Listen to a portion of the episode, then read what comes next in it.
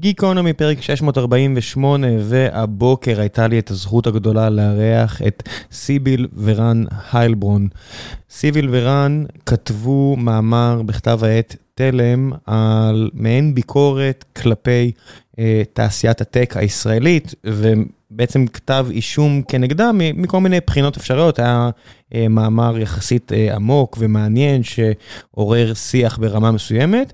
ואז סיביל התראיינה ממש שבוע שעבר לכלכליסט, והרעיון היה לצערי כמו כל רעיון עיתונאי אחר בארץ, די סנסציוני, והוציאו משם ציטוטים כאלה ואחרים, וכל הרשת געשה ורעשה כנגדה, אה, לרוב לא, לא בעדה, אני uh, קבעתי איתה שהיא תגיע לדבר, זה היה הרבה לפני הרעיון הזה, וכשראיתי את כל הרעש וכל מה שהיה מסביב, נורא נורא רציתי להציע לכם המאזינים משהו אחר. שיחה uh, יותר נעימה, uh, יותר... Uh, מעודנת שבה אפשר יהיה להציג גם את הטיעון שלה ושל בנה רן וגם את הטיעונים כנגד שאת חלקם אני הצגתי ולמצוא את המקומות שבהם אה, שנינו מסכימים כדי להראות שאפשר באמת אחרת, אפשר לדבר בצורה יותר מעניינת ועניינית. ואני יודע שזה קצת אירוני כשזה מגיע ממני כי היה את הפרק למשל עם יולי נובק שעשיתי עבודה מזעזעת מהבחינה הזו אבל הפעם אה, ניסיתי לכפר על זה גם למשל על הפרק האחרון שהיה עם אה, תמר אז גם קטעתי אותה כל הזמן. אמרו לי כמה מאזינים, אז הפעם אה, התאמצתי כדי להשתפר מהבחינה הזו, ואני מקווה שעשיתי עבודה טובה. נראה לי שהיה אחלה שיחה ושיחה חשובה אה, לכל הכיוונים, ואני מקווה שתהנו ממנה. ולפני שנגיע לפרק הזה, אני רוצה לספר לכם על נותני החסות שלנו, והפעם זו חברת טוסית, זה לא משנה אם אתם עובדים בתעשיית הטק או בתעשיות אחרות, לשבת כנראה שאתם צריכים, אה, לא כולם, אבל רובנו צריכים לשבת מול שולחן עבודה, וזה לא משנה אם אתם רוצים עכשיו לקנות כיסא עבודה איכותי לאדם אחד, או לחברה של אלף אנשים שעכשיו עוברת ממקום למקום וצריכה כיסאות חדשים. חברת טוסית, מלשון לשבת, שתיים סיט, מתמחה בפתרונות ישיבה. חלק מהכיסאות הם מייבאים, חלק מהכיסאות הם מייצרים פה בארץ, ואם תגיעו לאולמות התצוגה שלהם, לאולם התצוגה שלהם מול קניון איילון בבני ברק, אני אשאיר לכם את האתר שלהם, ותגידו שהגעתם דרך גיקונומי, גם תקבלו הנחה משמעותית על הכיסא הראשון שתקנו שם, כמובן שרק על הראשון, זה עדיין עסק שצריך להרוויח כסף. הכיסאות שהם יביאו לכם יתאימו לגב ולכיס ולטוסיק שלכם. אני יושב על כיסא של טוסית, הרבה מהאנשים שאני מכיר יושבים על כיסא של טוסית, הרבה מכם, המאזינית, המאזינים והמאזינות כבר יושבים על כיסאות של טוסית. המלצה חמה חמה ממני, רק תזכירו שהגעתם דרך גיקונומי. גיקונומי ותקבלו את ההנחה המשמעותית שמיוחדת למאזיני ה pod, אז שיהיה בהצלחה גם עם זה. ועכשיו, לפרק עם פרופסור סיביל, מקווה שתהנו.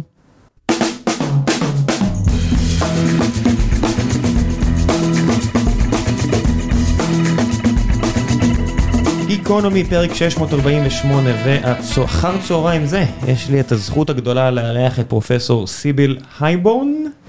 No, I didn't pronounce it right. היילברון. היילברון, like the city in Germany, ורן היילברון, בנה, סיביל, את הדיקנית אה, ומי שמובילה את המחלקה לסוציולוגיה במכללת כנרת? לא, את הפקולטה למדעי החברה והרוח. אתה רואה, זה היופי בתיקונים, ביכולת לתקן הכל, אז אף אחד לא טועה. אז א', תודה רבה שבאתם. בשמחה. היה אה, קצת אה, רעש סביב הכתבה האחרונה שעשיתם בכלכליסט. ציפיתם כן. לזה? אה, לא. לא, לא ציפינו לזה. Um, בדיעבד אני חושב שאנחנו יכולים קצת להבין למה זה קרה. Um, כלומר, הכתבה כאן הייתה פרובוקטיבית, וכלומר, היא נכתבה כ... זה נכתב כמאמר פרובוקטיבי וכזה פולמי. Uh, לא ציפינו שהפרובוקציה תעבוד כל כך טוב, um, אבל uh, כן, אני חושב שהיא עבדה... אה, אה, כלומר, הוא אמר טוב, אבל נראה לי שגם היה, היה איזשהו בליינד אה, ספוט בשיח הישראלי על ההייטק, שהיה מאוד קל להיכנס אליו. אם אני מסתכל לא על הכתבה, אני בדרך כלל מעדיף לצלול לדברים טיפה יותר עמוקים, והמאמר בתלם הוא מן הסתם, בעיניי לפחות, הרבה יותר מעניין מאשר... כתבה בכלכליסט, שאף אחד בכלכליסט לא ייעלב, אבל אה, שיש לכם באמת מקום להתבטא ולכתוב את הכל, זה יותר מעניין. ושם אחד הדברים שתפסו את תשומת הלב שלי או את העין שלי היה אחד מהטענות בסוף שרשמתם אה, בכל אחד מהמאבקים הללו וציינתם שלל מאבקים, השמאל צריך להתייצב אל מול ולא לצד מעמד הייטקיסטים. אה, למה? אמ, למה? אמ, כלומר, לדבר על זה באופן ככה אבסטרקטי בלי לדעת על איזה מאבקים מדובר זה, זה בעיה. יכול פשוט אה, לפרט, זה- זה זה הפורמט, it's long form. אוקיי, המ- המאבקים שאנחנו אה, פירטנו ב, אה, במאמר הם, אה, כלומר, אני לא יודע אם, כן, סוגיות שקשורות לפערי מרכז פריפריה, אה, שזה, כלומר, סוגיה הראשונה שאנחנו מדברים עליה במאמר, השנייה זה יחסי ההייטק והמדינה. או הלגיטימציה של המדינה אה, להתערב בכלכלה ובמשק, והסוגיה השלישית הייתה אה, מה שלפעמים קוראים לו הברהמיניזציה של השמאל, כלומר התהליך שבמסגרתו השמאל מפסיק להיות שמאל פועלי מעמדי והופך להיות שמאל של משכילים. אה, אנחנו, המאמר בעצם היה ניסיון אה, להראות את הקשר בין ההייטק ובין כל אחד מהתהליכים הללו, והמסקנה שבאמת הגענו אליה, אה, או מה שאנחנו מנסים לה- להגיד במאמר זה שהשמאל, השמאל צריך להבחין את עצמו מהאינטרס של ההייטקיסטים, כלומר האינטרס השמאלי והאינטרס של ההייטקיסטים בכל אחד מהסוגיות הללו, הם, יש ביניהם איזה מתח. זה לא אומר שאנחנו חושבים שצריך אה, לבטל את ההייטק ולשלוח את כל ההייטקיסטים לגולאגים, כן? זה ממש לא... ה... זה, זה קצת, כשקוראים את זה, זאת אומרת, אחד מהדברים שנורא בולטים, זה הקיבוץ של אנשים, קיבוץ לא במובן של אה, קיבוץ, אלא לשים את כולם באיזושהי קטגוריה אחת. הטק הישראלי זה כעשרה אחוז מהמשק, יש לנו מאלפי העובדים אה, של אינטל בקריית גת, ירושלים, עובדים ביוקנעם, אה, וההתקבצות הזו של להגיד, הטק, זה כמו שלא יודע מה, מישהו היה אומר, איזה בן גביר היה אומר, צריך לצאת נגד האקדמאים כי הם אומרים ככה וככה. זאת אומרת, העניין הפרובוקטיבי זה גם בסופו של דבר להשטיח את הטיעון, בעיניי לפחות, למשהו שהוא המייצג שלו. זאת אומרת, להגיד מה זה הייטק, זה לא עשרת אלפים או חמש עשרה אלף העובדים של אינטל שאין אף אחד מהם בתל אביב, אלא הסטארט-אפ שהיה בחדשות עם ה-40 עובדים בשרונה. תראה, בסופו של דבר הנתונים של, של רשות החדשנות אומרים על כך שכעשרה אחוז, לפעמים הם אומרים 11 אחוז של ה-workforce הישראלי הוא בהייטק, הוא מי שאפשר להגדיר אותו כהייטק employees, ומתוכם אה, 95 אחוז הם אה, באמת אה, סוג של, אנחנו אומרים, אה, אשכנזים, גברים, שבאים ממשפחות מאוד מבוססות, ואז בעצם רשות החדשנות אומרת, אנחנו עשינו הרבה מאמצים לנסות ולכלול מהחברה החרדית, מהחברה הערבית, אבל בסופו של דבר זה לא עובד, ודרך אגב זה גם לא עובד לגבי נשים, שזו סוגיה אני קשה לי מאוד שאני להאמין אשמח לדבר עליה אחר כך. כן, אני רק אגיד שקשה לי מאוד להאמין ש-95% מעובדי הטק הישראלים הם גברים לבנים אשכנזים. זאת אומרת, אני, אני אגיד שזה שוב עניין פרובוקטיבי, הכללה, זאת אומרת, אם הייתי, אם הייתם אומרים לי שזה 40-60, הייתי אומר זה לא טוב. זה... לא, זה לא 40-60, אתה יודע מה, אני מוכנה, הנתונים קצת משתנים, אומרים, לפעמים אומרים 2% אה, מהחברה הערבית, לפעמים אומרים 5% מהחברה הערבית, איפשהו, אבל בוא נגיד, ה- אבל זה בטח לא גברים לבנים אשכנזים 95%. אז נגיד שזה 80 אחוז, אני מוכנה אבל- להתפשר. כן, כי אבל- הרי גם נשים, שהם דרך אגב, הנשים שנמצאים בהייטק באים בעצם מאותו פלח שוק, היותר אליטיסטי, מרכזי, תל אביבי, איך שלא נקרא לזה, שיש לו בגרות של הייטק, כן, שזה חמש יחידה, יחידות מתמטיקה, אנגלית, פיזיקה, אה, מחשבים, זה מספר מאוד מצומצם, שבפוטנציאל בכלל יכולים להגיע להייטק. כן, גם הייתה פה למשל לפני כמה פרקים אה, אסטרופיזיקאית. אז היא אומרת, היא האישה היחידה אה, באסטרופיזיקה, היא גם הייתה מזרחית, אז אפשר להכניס את זה גם ככה. אני מניח שגם אפשר להגיד שכל הרופאות בארץ, לכולן היה פסיכומטרי לפחות של 750, ופסיכומטרי 750, אנחנו יודעים שזה די מאפיין, זאת אומרת, מישהו בלי כסף קשה לו להגיע ל-750, כי ככה וככה. אני מניח שאם נבדוק אה, אקדמאים שיש להם תקן באוניברסיטה בארץ, גם נראה אה, התפלגות נכון. כזו או אחרת, זאת אומרת, למה דווקא טק? כשאתם קוראים נכון, יש לשמאל הישראלי נכון. אה, להיות נגד הטק, להיות מול ולא עם הטק, אני מנסה, זאת אומרת, קראתי את המאמר ולא, אני מודה שלא הצלחתי להבין אה, למה, במקום שיש בו כל כך הרבה בעיות, למה ללכת דווקא נגד המגזר שבכל זאת אחראי לחלק לא מבוטל מהכנסות המדינה, בטח כשהם לא מבקשים שום דבר בתמורה. אה, לא, אני גם הייתי רוצה להגיד דבר אחד, קודם כל באמת אה, הביקורת שאתה מעלה שהיא מוצדקת, אה, כלומר בנוגע לחוסר הספציפיות של הקטגוריה הזאת, ההייטק הישראלי.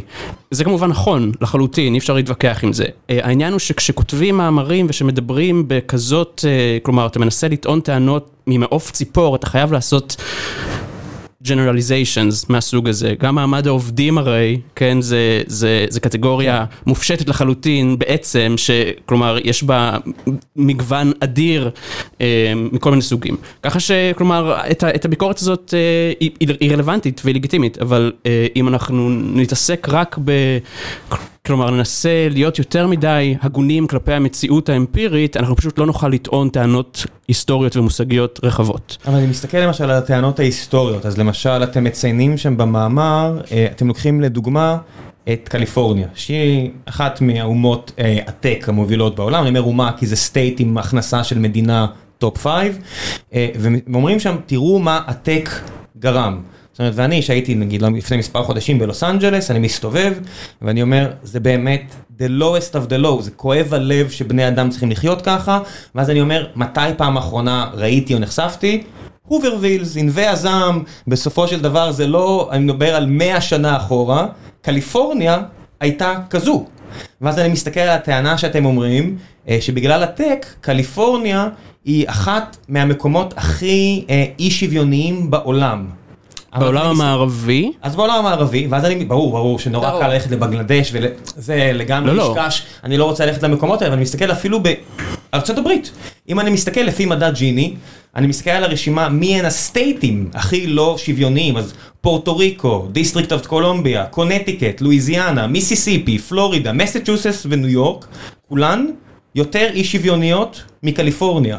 זאת אומרת, זה נראה לי כמו קצת, שאני קורא את המאמר ומכיר קצת את המקומות האלה, זה נראה לי קצת לשים מטרה ואז לחפש אותה, כי בסופו של דבר ב-LA, 6-7 שעות מהוואלי של נסיעה, או חצי שעה בססנה, אין הרבה טק.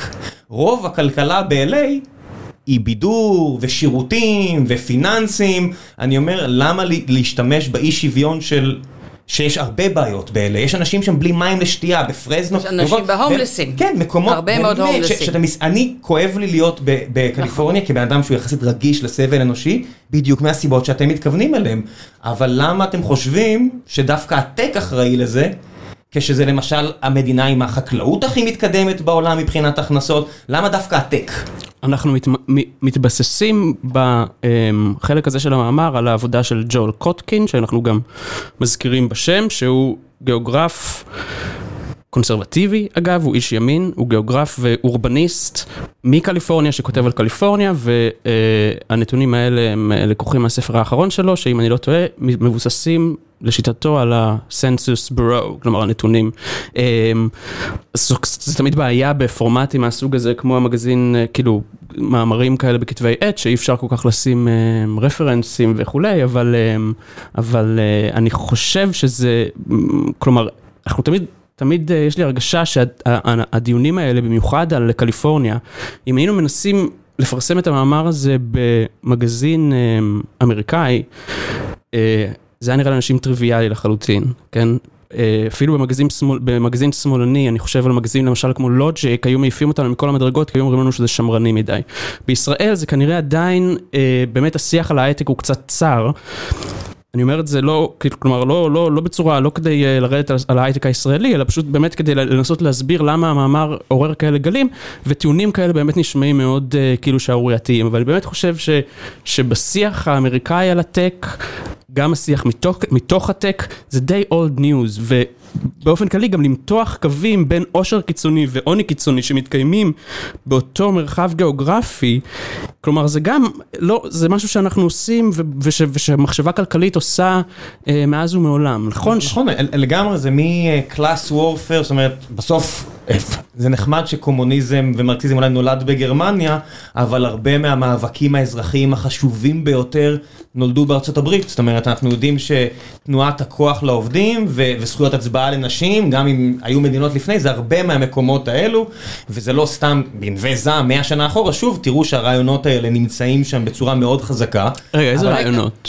הרעיונות של כוח לעובדים, שאי אוקיי. שוויון זה דבר מסוכן, הרי מתי הפעם האחרונה שראינו כזה אי שוויון נורא גדול? בתקופה של ברנדייס, שיצא כנגד הרובין ברן, זה לפני 100 שנה, זה לא הפתעה גדולה. אבל מצד רגע, אבל שני- אני רוצה, אה, סליחה. אז אני רק אסיים ואז אני מביא לכם, אני מסתכל על קליפורניה ואני אומר, אוקיי, יש שם חקלאות, ובידור, ותעשייה, ואני אומר, אוקיי, זה ממקום פריבילגי מאוד, שאני יכול להגיד, אז אני לא צריך כזה טק, אני יכול להסתדר בלי.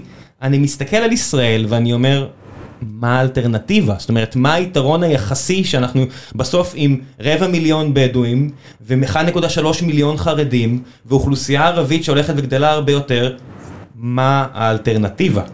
כן, אני רק רוצה להגיד משהו קטן לרעיונות, יש- יש לי איזה חשש שכאילו אה, מייחסים לנו איזה רדיקליזם שהוא לא, אה, כלומר, הוא לא כל כך, הוא לא כל כך תואם את ה, את ה, לא יודע אם את, העמדות שלנו, אבל בטח לא את העמדות של המאמר, כלומר המאמר מציג איזה, איזה, איזה ביקורת קיינסיאנית של כאילו מין אה, צמחונית למדי לגבי הקפיטליזם הניאו-ליברלי, לא מדובר פה על לא מאואיזם ולא קומוניזם ולא אנרכיזם ולא שום דבר מה, אה, כן, מהאידיאולוגיות האלה. כן, בדרך כלל זה אנשי קש שמשתמשים, זאת אומרת, חברי גיא רולניק, כל פעם שהוא כתב נגד אה, פייסבוק או דברים כאלה, מיד הטענות הם אתה קומוניסט ואתה כאלה. כן. עכשיו, ברור שאפשר להגיד איפה המדינה שהיום אה, באמת נלחמת בטק בצורה הכי אגרסיבית, זו אכן סין הקומוניסטית, כי בסוף שלטון ריכוזי באמת יכול לעשות משהו שהוא יכול נגד חברות, כי אין לוביסטים ואין דמוקרטיה שיכולה להפריע, ואנשים שיכולים להשפיע על דמוקרטיה כמו שאנחנו יודעים, אבל זה לא הטענה.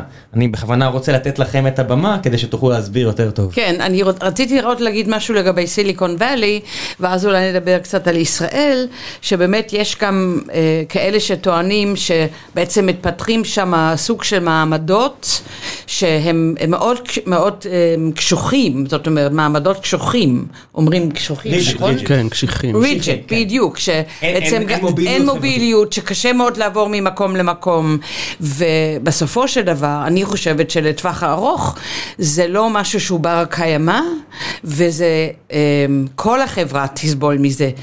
ולכן אני גם חושבת שהאנלוגיה לישראל, שהיא חברה כל כך הטרוגנית, וחברה שהיא גם רמת האי שוויון בה מאוד מאוד גדול, פערים חברתיים שמלווים באיזושהי אקסקלוזיביות של קבוצות שקשה להם מאוד להתחבר לאיפה שנסע המרכז, היא הרסנית לחברה. אני חושבת שלחברה ישראלית כן. זה מסוכן, אני חושבת שזה לא בר קיימות, אני חושבת שאנחנו היינו צריכים לנסות ולחפש דרכים אה, לכלול הרבה יותר אנשים בחגיגה של ההייטק, ואחר כך נדבר אולי קצת איך לעשות את אבל זה. המספרים עולים, זאת אומרת שאתם, הרבה מהמאמר מתייחס בסוף ל- אה, לחקיקה ולניסיונות למשל של המדינה לעודד אה, יזמות, שהם משנות ה-90. ובשנות ה-90 באמת מדינת ישראל, כמו בטיוואן, כמו בקוריאה, בכל מיני מדינות שעשו את זה בצורה לא אורגנית, אלא בצורה אה, מכוונת, ניסו לעודד קהילה של טק. היום המדינה בעיקר מנסה לא להפריע. וכמו שאתם אומרים, 95% מהכסף הוא בכלל זר, זה בכלל לא כסף מקומי. ו... אמ, לא, המדינה מאוד מנסה, זה לא נכון. רק עכשיו, לפני שבוע, היה ב- באחד העיתונים, שמנסים עכשיו עוד פעם להקים אמ, תוכניות בש- בשביל לקדם את הפריפריה, אוכלוסיות הפריפריה להייטק. זה כן, אבל הם לא עוזרים, זאת אומרת, אה, הניסיון המקורי באמצע שנות ה-90 היה פשוט לעזור לטק. זה לא לעזור לטק, זה לאפשר את הטק. לאפשר, זאת אומרת, אם לא אתה היה מכיר את מניעה. הדברים ש... אם אתה מכיר את הדברים של ארז מגור, חוק עידוד השקעות ההון מ-93. אבל זה, הוא כותב, זאת אומרת, זה לא שהמדינה עזרה, המדינה עשתה. לא, המדינה לא עשתה. אני- יוזמה אני- של המדינה. אני, אני לא מקבל את זה כי אה, יוסי ורדי שהיה המשקיע שלי, הוא והבן שלו לא עשו את ICQ בזכות המדינה בשום צורה. המדינה אולי לא הפריעה. אה, נחמן שלף, כל היזמים הגדולים בשנות התשעים, המדינה לא הפריעה להם. אפשר להגיד שהמדינה עזרה בכך שהיא לא הפריעה, שזה אחלה. אבל בסופו של דבר, כשהגיעו לפה קרנות הון סיכון, פשוט אף אחד לא הפריע להם. הטענה שלי, כאילו... קצת- הקרנות הון סיכון לא הגיעו, הם הובאו ארצה על ידי תוכנית יוזמה.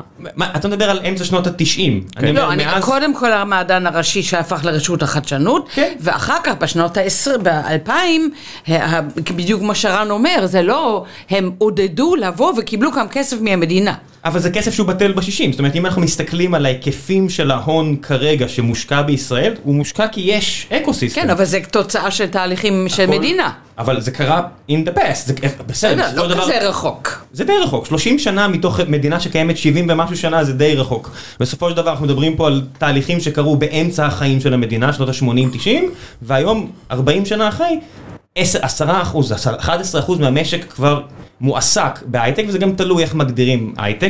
נכון, אני מסכימה. זה- אינטל- זה- אם אתה תוסיף את אה, עובדי אינטל וכן הלאה זה יותר, לא, כמובן. אינטל זה בטוח, אני חושב על עובדי לאומי ופועלים, זאת אומרת אם סיטי בנק כבר קוראים לעצמם לא חברה, לא בנק, אלא חברת תוכנה שנותנת שירותים כן. בנקאיים, הרי כולם רוצים להגיד שהם הייטק. אז גם עולה פה הגדרה. כן, למרות שאתה יודע, זה הנתונים של רשות החדשנות, שהם אה, מאוד רוצים. להראות תמונה ורודה וטובה, ואני מאוד סומכת, דרך אגב, הנתונים שלהם, אני מאוד סומכת עליהם, ובכל זאת, אנחנו לא מצליחים לעלות מעל כי יש- 11 אחוז, 12 אחוז. ותקרת הזכוכית מבחינת אחוזים רק הולכת ויורדת, היא לא הולכת ועולה, כי כשיש לנו 6.2 או 6.3 ילדים למשפחה חרדית, 50% מהגברים לא עובדים או לא רוצים נכון. לעבוד, האחוזים לא יכולים לגדול. זאת אומרת, רק עכשיו סיימתי לפני חצי שעה שיחה עם שני יזמים אה, דתיים, אה, שהם... לא מייצגים בשום צורה את. הקהילה ממנה יוצאים. היה פה את חסן עבאסי, דוקטור חסן עבאסי, אה, יוצא גוגל, שהקים אה, מיזם. אין הרבה, הבאתי אותו וכל כך שמחתי לדבר איתו, כי אין הרבה יזמים. ערבים, אתם יודעים את זה יותר טוב. ממני, אתם עשיתם את המחקר, יש פה באמת... אה, זה לא אתגר כמו שזה הזדמנות. כי יש עוד הרבה נכון. אנשים שהמדינה יכולה, כמו שאת אומרת, להביא לחגיגה הזו. מה זה חגיגה? אפשרות להתפרנס, שזה בעיניי הכי חשוב שיש מהבחינה הזאת של, אה, של אפשרות לחיות, אבל הבעיה היא באמת שאין גם אלטרנטיבות. זאת אומרת, אבל אני אומר, ד- א- ד- איך, איך לא גודעים את העץ נכון. כשמנסים לה- להרים עוד, עוד ענפים ועלים. אני, אני חושב, אני, אני גם, אני, האמת שאני אני באמת לא, לא יודע להיכנס לדיון הזה ברזולוציה של מדיניות שיש בישראל היום, אבל אני כן יודע שלפחות מבחינת המחשבה על uh, מגזר הטכנולוגיה ועל יחסי טכנולוגיה ומדינה, uh, הנטייה היום היא להגיד, א', שהמדינה, כלומר, הרקורד ההיסטורי פשוט מוכיח שלמדינה יש מעורבות. מסיבית ומשמעותית מאוד בדבר הזה שאנחנו קוראים לו היום המהפכה הטכנולוגית. כל מדינה או מדינת ישראל? מדינת ישראל מדינת במיוחד. ישראל, ובאופן כללי אני חושב שזה, אני לא יודע, אם כל 100% לא, מהמדינות, יש מדינות שכמו בסמס, כמו uh, המקרה של סמסונג וקוריאה, ששם זה ממש, קוריאה הפכה להיות מהמדינה אחת מהעשר הכי עניות בשנות החמישים לאחת מהעשר הכי עשירות היום, בגלל מעורבות של המדינה בצורה קיצונית. TSMC, החברה הכי חשובה בעולם היום כנראה, uh, שאחראית לרוב השבבים, או 30% מהשבבים, לא רוב, ב- בטיוואן, זה, השק... זה החלטה של כן. המדינה שהיא חיפשה איפה היא יכולה להיות uh, differentiated יותר טוב, איפה יכול להיות היתרון היחסי, והם עברו מייצור של דברים זולים, אתם זוכרים פעם הכל היה מיוצר made in Taiwan, היום שבבים made in Taiwan, זה, זה מהפכה עצומה שהמדינה שם עשתה, אז זה בטח לא נכון להגיד, ובטח הברית עם כל ההשקעות שלהם ב- בדיוק. מ DARPA ועד נכון. הכל, אי אפשר להגיד שהמדינות לא עזרו למהפכה הטכנולוגית הזו. עזרו זה understatement אני חושב, אבל כן, אני חושב, שתי, לא יודע אם כל המדינות, מקבל שותפות אפילו הייתי אומר. בטח עם שותפות? המימון של האקדמיה. אני חושבת אני חושב- שהנושא של היז, ה- היז, יוזמה, היוזמה היא הייתה של המדינה בישראל. הם החליטו, ויש לזה באמת אה, מאמרים מאוד מעניינים של ארז מגור, הייתה הבנה שאי אפשר להמשיך עם הייצור של, של טקסטיל, כי זה כבר לא profitable, וצריך לחפש משהו אחר, וחיפשו ומצאו ויזמו. והפירות אנחנו רואים היום, וזה מצוין. כן, הפירות שהם משותפים, חברה ציבורית ופרטית, בגלל זה תמיד שמנסים לעשות מאמרים, ובטח הדיונים לאחר מכן, אתם נגיד עשיתם את הכתבה, או את, סליחה, את התראיינת בכלכליסט, לא הייתם שם ביחד, ואז אני רואה את הדיון לאחר מכן, והוא תמיד כל כך שטוח ומלא באמוציות, ונורא אנקדוטיאלי. כן השאלה אם, מתעלמים מה, מהעובדה, זאת אומרת, מישהו יכול להגיד, אני נולדתי בבאר שבע, אני יכול להגיד, מה, מה הבעיה? הנה, יש גם באר שבעים שהם אה, יזמים, אבל האמת היא שבסוף יש, אין מספיק. נכון. ובטח ש... אז באר שבע זה לא הבעיה, לעניות דעתי. אם מסתכלים על מגזרים שגם מביאים הרבה ילדים וגם הם לחלוטין מחוץ לכלכלה הזו, אז לא פלא שישראל היא המדינה השנייה הכי אי שוויונית בעולם. נכון. בגלל שיש פה מגזרים שרק הולכים וגדלים בקצב נורא מהיר, והם לגמרי מחוץ ל-realm of possibility אפילו. נכון. זה מחזיר אותנו, אני חושב, לנקודה של פריפריה וכולי, שהיא חשובה מאוד. הייתי רוצה להגיד משהו אחרון על המדינה, לפני שאנחנו, נכון, כאילו... אוקיי. אה, הזכרת את דארפה. אה, אני חושב שהנקודה שאנשים הרבה פעמים מפספסים כשאנחנו מתעקשים, כשאנחנו בוחרים להתעקש על המעורבות המדינתית בהיסטוריה של המהפכה הטכנולוגית, היא ש... ודארפה זה באמת הדוגמה הכי טובה לכך, שאם אותן סוכנויות ש... כן, אחראיות ל, ל, ש, ל, לפיתוחים שהיום אנחנו קוראים להם אינטרנט, היו פועלות תחת החרב הזאתי של the profit motive, לא היה לנו אינטרנט. כלומר, הסיבה שיש לנו את הדברים האלה אנחנו לא בגלל... יודעים. אנחנו לא יודעים היה. אה, עובדתית, האזורים האלה היו מאוד מעורבים. זאת אומרת, האקדמיה וה-DOJ האמריקאי, אבל למה? מכיוון שהם היו יכולים לעשות, כן, לפתח כל מיני פיתוחים ניסיוניים ולעשות מחקרים חדשניים, שאם חרב הרווח הייתה מונפת מעל הראש שלהם, הם לא היו יכולים לעשות זאת. זאת כן. בעצם הנקודה של ההתעקשות על המעורבות הממשלתית. זה היה פעם. היום אנחנו מסתכלים שבעיית למשל קיפול החלבונים, מהבעיות הכי חשובות של עולם המדע, הגיעו מ DeepMind, שזה גוף של גוגל. גוגל מסבסדת את כנראה את גוף המחקר הכי איכותי בעולם, יותר מסטנפורד, יותר מכולם. אנשים יושבים בלונדון עם תקציב של מיליארד דולר בשנה, אין אף גוף מחקר, מלבד אולי ב CERN של המאיץ חלקיקים. שזוכה לכאלה תקציבים והם רק לטובת האנושות. זאת אומרת, אני רואה את התהליך הזה שנוצר, זה קצת כמו פעם, המדיצ'יז היו עוזרים לאנשים והם היו מייצרים אומנות ומדע. היום הגענו למצב שזה מייקרוסופט וטקסס אינסטרומנטס וגוגל ואפל, לא אפל לא, או, או חברות אחרות, IBM בטח, שעוזרות לאנושות. כן, אני חושב, אז גם אם אנחנו חושבים על זה נגיד באוריינטציה כזאת עתידנית, או מה שאנחנו היינו רוצים לראות, זה לא מחשבה שהמדינה תקצץ את הכנפיים של תעשיית הטכנולוגיה, אלא בדיוק להפך, אנחנו חושבים, ואנחנו, וגם בנושא הזה יש כתיבה אה, בשנים האחרונות, שהסימביוזה בין המדינה ובין השוק יכולה לייצר טכנולוגיה הרבה יותר מתקדמת והרבה יותר שאפתנית, הרבה יותר אינקלוסיבית והרבה יותר סוסטיינבילית. קיימא. אז אנחנו, הטיעון שלנו, ואת זה חשוב לי להגיד, הוא פרו-טכנולוגיה. אנחנו לא נגד טכנולוגיה, אנחנו מאוד מאוד בעד, ואנחנו חושבים שאנחנו, שהשוק יכול מאוד, כלומר, טכנולוגיה, אנשי הטכנולוגיה עצמם יכולים אה, להגיע להישגים הרבה יותר חשובים אם הם ילמדו לעבוד עם המדינה. אני חושב שזה בעיקר נכון, זאת אומרת, הבעיה פה זה מערכת התמריצים. אני מסתכל למשל על עצמי, כיזם, אני מסתכל על 2023, ו-it's a shit show. זה הולך להיות נורא ואיום, אין לי שום אפשרות לגייס כסף, אז אני חייב לחשוב מה שאני יכול לעשות כדי שהחברה תשרוד ותצא מחוזקת מהצד השני. אני בסוף לקחתי פה כסף של פנסיה, אני צריך לדאוג שההחזר יהיה טוב, והראש שלי בכלל לא נמצא במאבקים חברתיים, אני אומר את זה בשיא הכנות על עצמי. זאת אומרת, ואז אני אומר, כש... שיש אה, האשמות, לא האשמות, אבל אה, בקשות או טענות כלפי תעשיית הטק, אני אומר, בסופו של דבר יש פה מערכת תמריצים שהיא מאוד מובנת.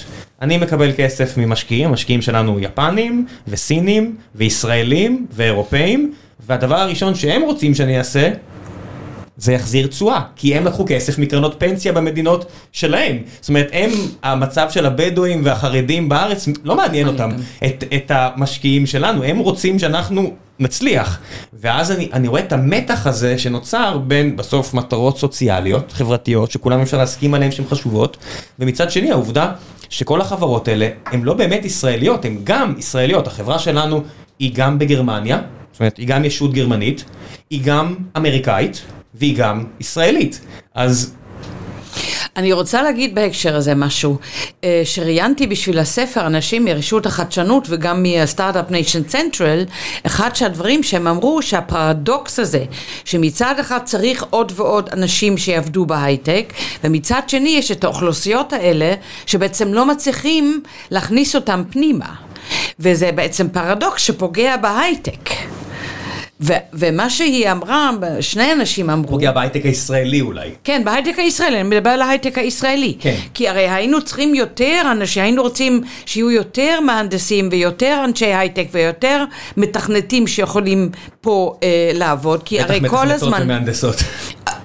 כל הזמן מדברים על זה שאין מספיק, וצריך לפנות לחו"ל, ופונים לליטא ולכל מיני אסטוניה ולכל אז- מיני אז זה- מדינות זה כאלה. לחברות- רגע, רגע, אוקיי. רגע. אני רוצה סליחה, להגיד ש. שאני חושבת שאחת הבעיות שגם אותי מאוד מטרידות, כי אני באה מההשכלה הגבוהה, זה מה שראו במחקר של משרד, של משרד הכלכלה, שבעצם יש פער מאוד גדול של מיומנויות בין אנשים, מה שהם מקבלים בעצם במערכות החינוך, והפער הזה בישראל הוא הרבה יותר גדול מבמדינות אחרות. ומה זה עוזר? אומר שאנחנו מייצרים קבוצה גדולה של אנשים שגם עם תמיכה אין להם את המיומנויות בעצם להפוך לאנשי הייטק או לעובדים בהייטק. בגלל שה skill gap הוא מאוד מאוד גדול, וזה כן מתיישב עם הנתונים שיש לנו על פיז"ה, אבל גם. ה skill gap הוא באמת גם אה, מודדים אותו במבחן שנקרא PIAAC, שהוא בעצם בודק מבוגרים על אה, אוריינות אנגלית, אוריינות אה, מתמטית, על חשיבה בדרגה גבוהה, על אה, בכלל אה, יכולת לפתור בעיות, ויש לנו פה פערים אדירים שה, שהם כאלה שהתוכניות למיניהם בעצם לא מצליחים לסגור את הפער הזה, וזה אומר שאם אין השקעה בחינוך מגיל אפס, כן, מגיל אפס, מסיבית של המדינה, אנחנו גם לא נוכל לטווח ארוך לפתור את אני הבעיה אפילו לא הזאת. חושב שזה רק אה, חינוך, כי אני מסתכל למשל על הסרטונים אתמול מלקיה, נבחרת נכון. מרוקו אה, מנצחת משחק, ויש ירי באוויר, M16, אה, אללה ב- אללה בבעלה, בלי סוף ירי, אני אומר ילד שגדל במקום כזה. אני לא מדבר אפילו על השני קילומטר משם בעומר, או ארבעה קילומטר בבאר שבע, אלא הילדים שגרים בלקיה. מה הסיכוי שלהם נכון. לישון טוב בלילה כדי להיות טובים בבית ספר, אם הם בכלל מגיעים לבית ספר, מישהו בכלל אכפת מהם, נכון. המערכת, אה, הסיכוי הוא, הוא פחות או יותר אפס. או, או שואף לאפס. לא יש פה ושם כוכבים. נכון, אבל זה, זה, זה, זה דרך טובה אה, להסתיר את הבעיה. נכון. זאת אומרת, אם אני אגיד, הנה, תסתכלו, הנה יזם ערבי שהצליח, הגיע לגוגל, ועכשיו יש לו חברה, זה דרך טובה מאוד להסתיר את העובדה שיש פה אוכלוסייה שהולכת וגדלה, ויש לה אפס סיכוי, או שואף שואף לאפס, נכון. להצליח, והבעיה שלי שזה לא רק tech, זה לא... הייטק, אז בוא נוריד אפילו את ה high. I'm not doing הייטק, אני עושה tech. ורוב העולם הופך להיות tech. בנקאות תהיה נכון. tech, סניפים ייסגרו, אה, יהיה משהו אחר. רובנו, זאת אומרת, זה כמו המהפכה התעשייתית החדשה, שהמלכה הסתובבה וראתה why so many poppers באנגליה, כי סגרו את החוות, ואנשים הגיעו לערים, שוב, אותו תהליך של אורבניזציה שאתם גם כותבים עליו במאמר, והם לא ידעו איך להתפרנס, כי הייתה מהפכה על הראש שלהם. ובאמת אפשר לקשור את זה לספר ששנינו מאוד אוהבים, של ה-entrepreneurial state, של מריאנה מזוקטו, שהיא בעצם אומרת, המדינה יכולה להשתמש בטק על מנת לקדם אמ, מטרות נוספות.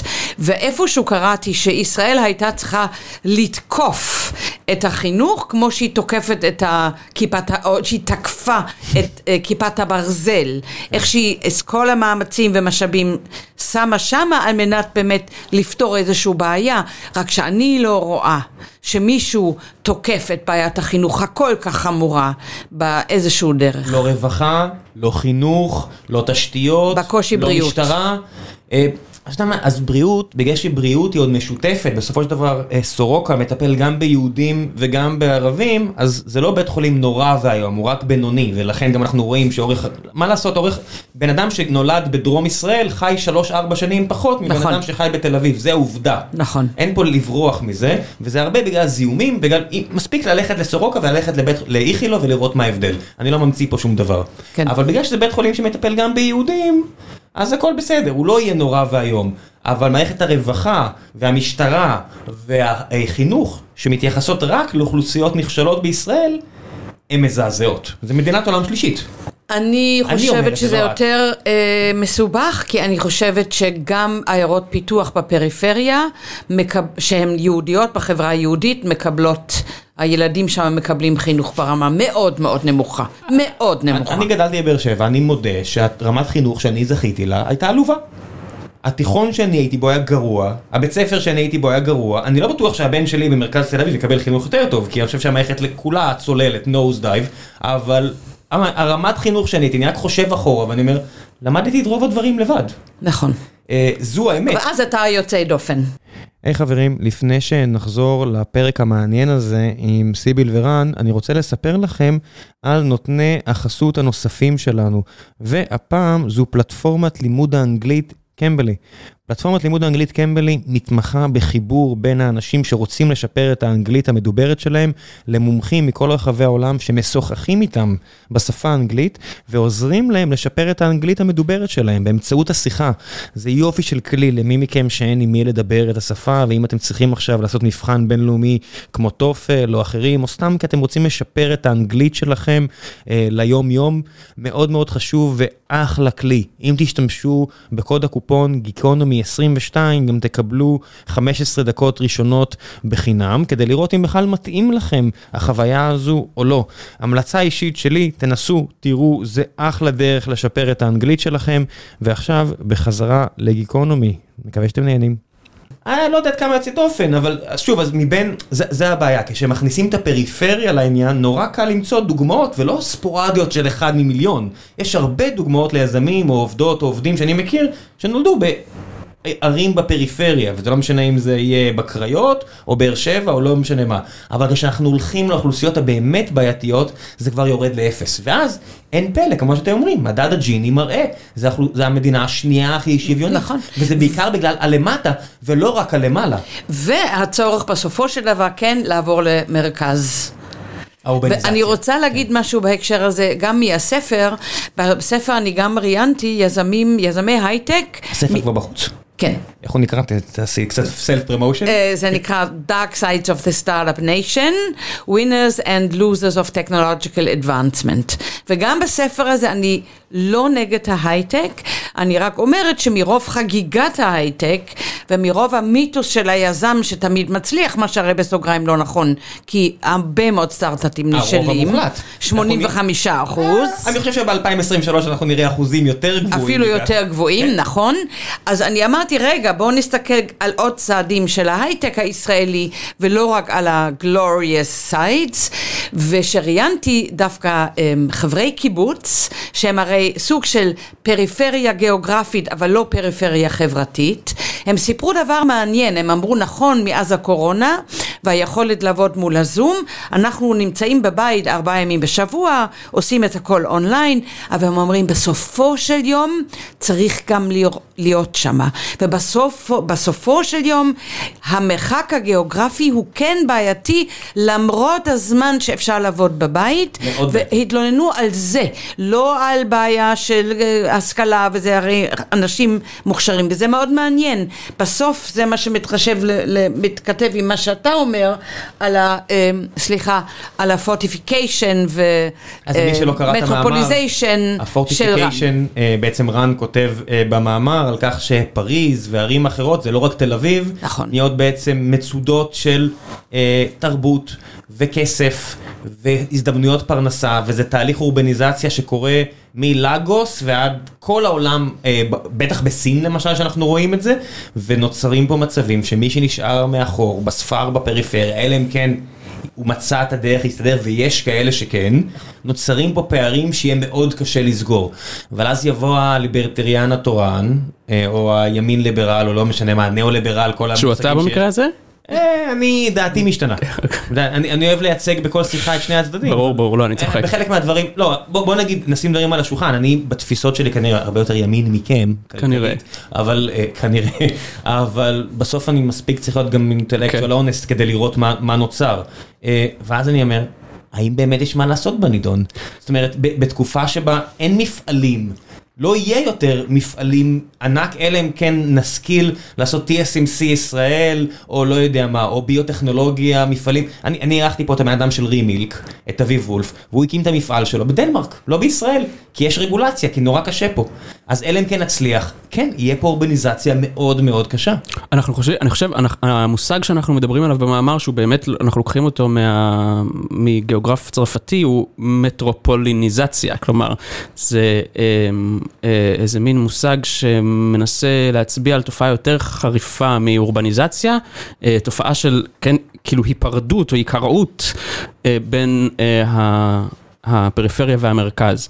אה, אני חושב שזה אגב מעניין שהבטיחו לנו שהאינטרנט אה, יהפוך, אה, כן, יצמצם מרחבים בין, כאילו, הנה מצמצם, כולם לוקלס. עברו לגוש דן, תראה איך זה לא. זהו, זה- לדעתי זה מעניין, כי זה נראה כאילו באופן פרדוקסלי, ההבדלים הגיאוגרפיים דווקא באופן מסוים החמירו, כלומר, עם עם עליית ה- ה- אני חושב שהם המגזר יצרו כל הטכנולוגי. כך הרבה הזדמנויות. היום אתה יכול חבורה של עשרה אנשים, הידע הנכון, כמו שזה disruption לתעשיות ברחבי העולם, ומהבחינה הזו זה צמצם את המרחקים, כי היום חברה יכולה לקום בירושלים או תל אביב, ולהתחרות עם ענקיות ב Valley או בניו יורק. אבל הם עדיין צריכים להיות ביחד, הם עדיין צריכים שיהיה להם ecosystem מסביבם, וה ecosystem הזה הוא נוצר לצערי ממש מסביב ל epicenter שזה כאן, ממש בנקודה פה באזור שרונה תל אביב, והולך ונחלש ככל שאתה מתרחק ממנו. כן, אנחנו מדברים קצת נראה לי על, מושא, על אה, תופעת הגלובליזציה עכשיו, כן. אה, אבל אני חושב שחשוב, לה, א', הניידות הזאת שההייטק אה, מאפשר, יש לה פרופיל מעמדי מאוד ברור, כלומר, זו ניידות שמתאפשרת לאנשים שמלכתחילה הם שייכים לאותה קבוצה שנוטה, כן, להיות יותר אה, אורבנית, מטרופולינית ולכן גם יותר קוסמופוליטית. סטטיסטית, זאת אומרת, בוודאי שיש המון, אני מכיר הרבה דוגמאות שזה לא נכון, אבל סטטיסטית זה נכון. כן, לא, וזה נכון גם תרבותית, כלומר, מה ש... חלק מהביקורת שאנחנו רוצים להעביר במאמר על גלובליזציה ועל מטרופוליניזציה, זה אה, שהגלובליזציה לכאורה מוטטה, כלומר, אנחנו יודעים היום שגלובליזציה זה לא משהו שקרה למדינות, זה משהו שקרה לערים. ומנקודת המבט של המדין, או של נגיד של העורף הלאומי, מה שקרה זה תהליך של de-industrialization, כן? כלומר, הרסט בלט בארצות הברית, האזורים בצרפת, אזורים בגרמניה, שבעצם נכון. נשארו, שהיו פעם מרכזי כוח נכון. פיננסיים, שבהם גם היו המהפכות הסוציאליות שדיברנו עליהן, משם יצאו הרעיונות האלה של כוח לעובדים, והם בעצם נשארו רק עם אנשים מבוגרים, ומעט מאוד מעט כוח. מאוד תעשייה. סין, יפן, התופעה הזאת חוזרת על עצמה בהרבה מקומות כן. בעולם. נכון. עכשיו, הנקודה היא, מה שרצינו להגיד זה שהגלובליזציה לכאורה הייתה אמורה למוטט את החומות שקיימות בין מדינות, בפועל היא, החומות האלה הוחלפו בחומות אה, אחרים שכן הוקמו בתוך המדינות, חומות מעמדיים שמפרידים את ה... ותרבותיים. ותרבותיים בוודאי, זה, ואנחנו גם מעבירים ביקורת מאוד אה, חד משמעית על זה במאמר, על אה, אתוס הסובלנות והפתיחות והקוסמופוליטיות של המרכזים האורבניים שבעצם אה, מסווה פרקטיקות של סגרגציה מעמדית, כן? סגרגציה מאוד חמורה, אני יכול להגיד על עצמי, אני היום מרגיש יותר קרוב, תרבותית, ערכית, לאנשים שגרים אלפי קילומטרים ממני, בפרנקפורט, מינכן, תל נכון. אביב ולונדון, מאשר עשרה קילומטר מכאן לכל כיוון כמעט. זאת אומרת, כן. אם זה בני ברק, או לא משנה מה, אני הרבה יותר קרוב לאנשים שהם הרבה יותר רחוקים ממני גיאוגרפית, יש לי הרבה יותר על מה לדבר איתם, אני מרגיש באמת יותר אחדות איתם, שזה מצב שהוא... אני אגיד שהוא לא בר קיימא, אבל אני חושב שזה מובן לכולם הבעייתיות פה. נכון, אבל גם אני... זה קצת מתחשב, זה גם קצת מתקשר לדברים שאמרנו על השמאל.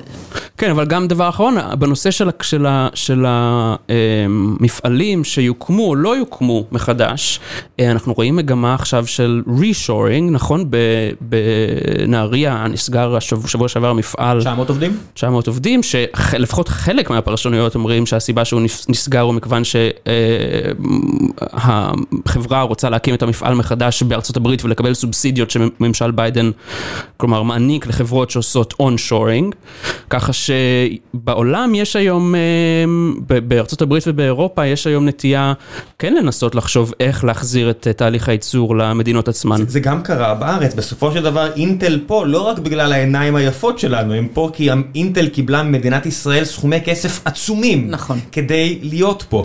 רוב החברות הגדולות בעולם נמצאות בדבלין, איירלנד. לא בגלל העיניים היפות נכון. של האירים, אלא בגלל שהיה race to the bottom על מס הכנסה ששולם, וכולם, כולם, כולם מיוצגות באירלנד, כי הן לא משלמות שם מס. נכון. כן. עכשיו, המדינות לא יכולות להתחרות אחת בשנייה לבד. מדינה יכולה להגיד, אני לא אשחק את המשחק הזה, בסדר, תישארי בלי הייטק. תישארי בלי משהו, כי זה עולם גלובלי, כי החברות, כמו החברה הזאת שאנחנו נמצאים בה עכשיו, היא לא חברה ישראלית, היא חברה אמריקאית ישראלית גרמנית.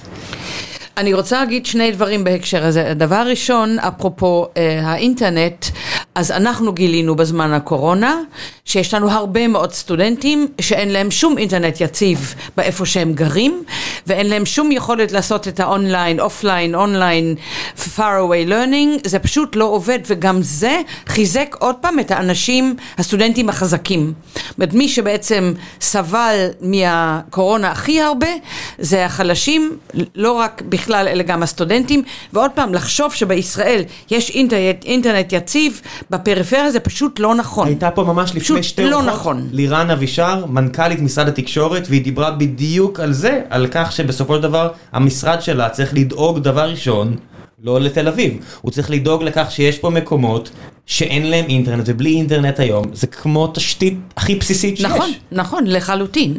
עכשיו, דבר שני שרציתי להגיד לגבי מה שאתה אמרת, שאתה בעצם מרגיש קרוב למישהו שהוא גר בכל מיני מקומות אחרים, יותר ממי שגר מפה עשרה קילומטר. עכשיו, תראה, אני כמובן אותו דבר. אה, מה גם אני, בעצם הגלובליזציה, או איך שלא נקרא לזה, גרמה לי לאפשרות לחיות בעצם עם שתי תרבויות. הרבה יותר מלפני... את באמת גם אזרחית של עוד מדינה. אני אזרחית של עוד מדינה, כן. אני קוראת עיתון של עוד מדינה, אני יכולה לטוס לכל אירוע משפחתי, היכולת שלי לנצל את מה שהגלוביזציה נותנת אדירה.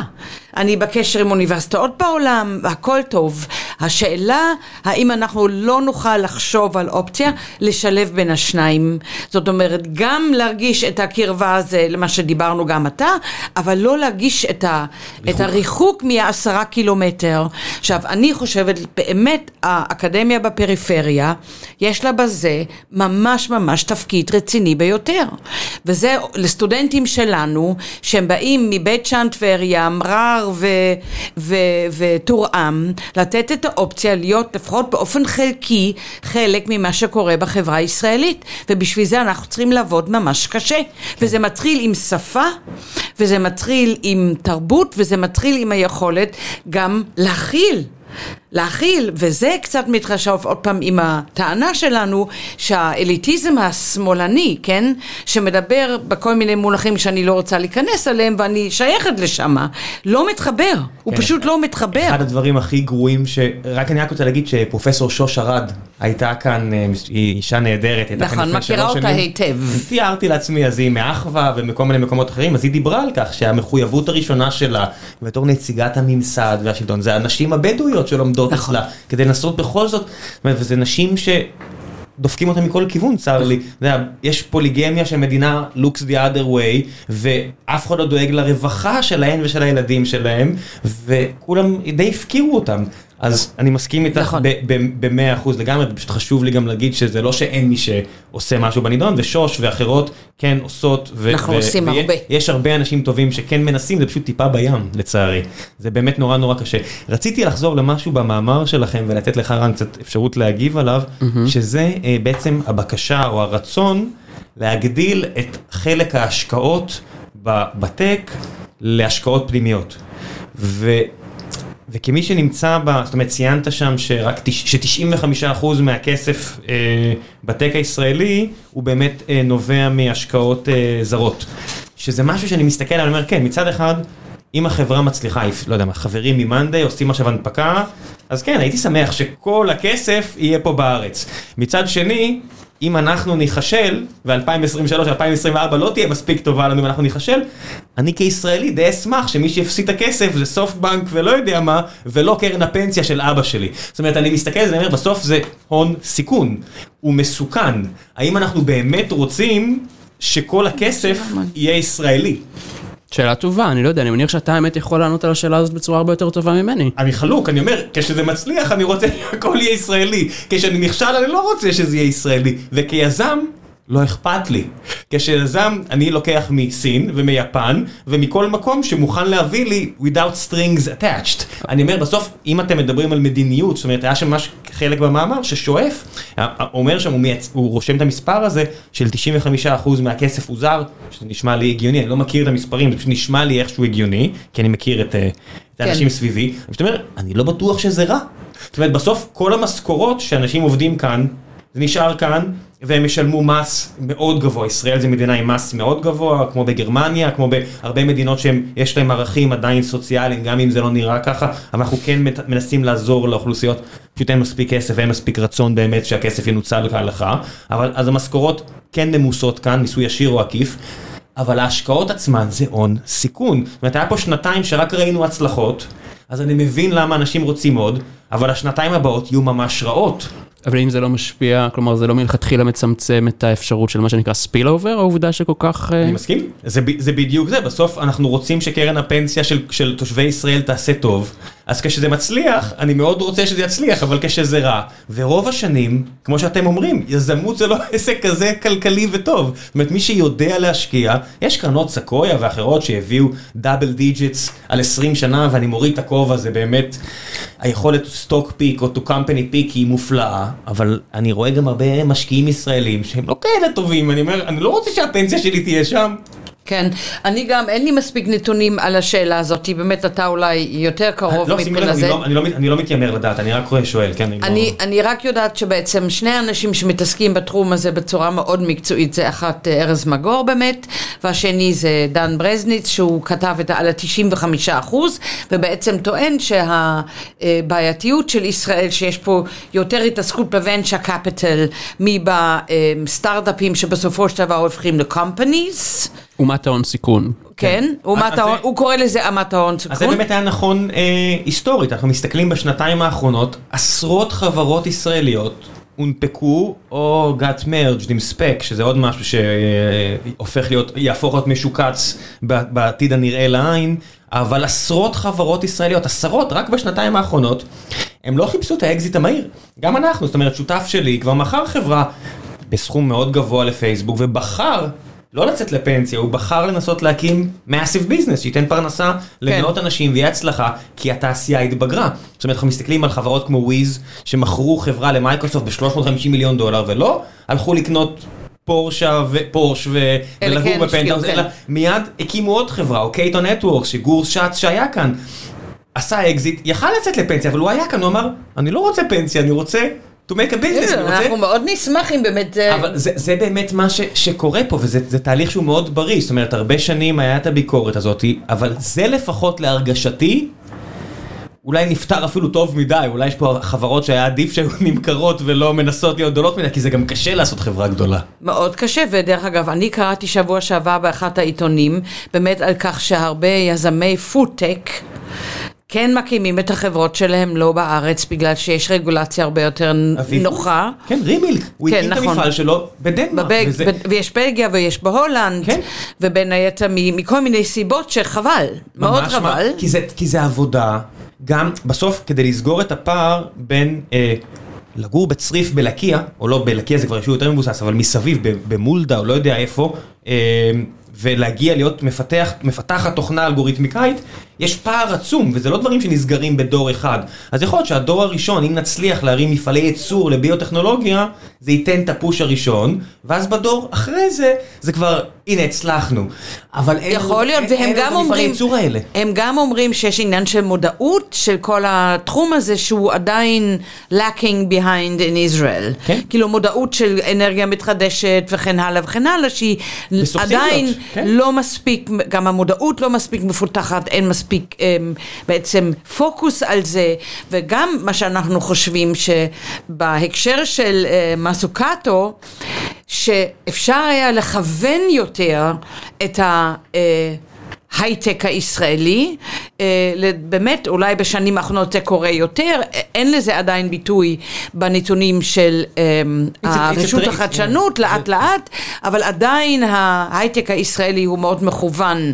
תוכנה, סייבר, ואולי הגיע הזמן להגיד אנחנו צריכים לכוון אותו לתחומים נוספים, כן. ואני רציתי להגיד בהקשר הזה באמת גם ש... תראה, אחד הדברים שאני מצאתי שכתבתי את הספר, שיש הרי לא מעט uh, תעשיית הייטק שהיא באמת מתעסקת בכל התחום של ה gambling, כן? כן. אבל אף אחד לא מדבר על זה, זאת אומרת, לא, לא מדברים על זה הרבה. כן, אבל אתה לא מוצא בקלות אה, איש הייטק שאומר אני ב gambling industry. כי קוראים לזה גיימינג. נכון, גיימינג, אבל זה בסופו של דבר לא גיימינג. זה לא גיימינג. אתה ואני יודעים מה זה. מה זה, כמי שעובד עם חברות גיימינג, אני ממש רוצה, זאת אומרת, יש פה חברה כמו פלאריום שמייצרת משחקים. היא חברה שהכניסה מיליארד דולר, והיא באמת מייצרת משחקים. משחקים. מצד שני, יש חברות שעושות קזינו, ושוב, אני מנסה לא למתוח את הקו, כי חלק מזה זה לקוחות שלי. אני אומר, אני פה מסורתית, כאילו, מה זה מסורתית? ערכית, אני לא נמצא בלבן בשום צורה, אבל יש gambling, או אפילו social gambling אם אתם רוצים, זה בסדר, פלייטיקה שעכשיו בכותרות, או לא יודע מה, אה, אז הם לא בדיוק שם, מצטער על ההכללה, אבל יש גיימינג, ומה שהכי כאב לי ב whitewash הזה של גיימינג, זה ש...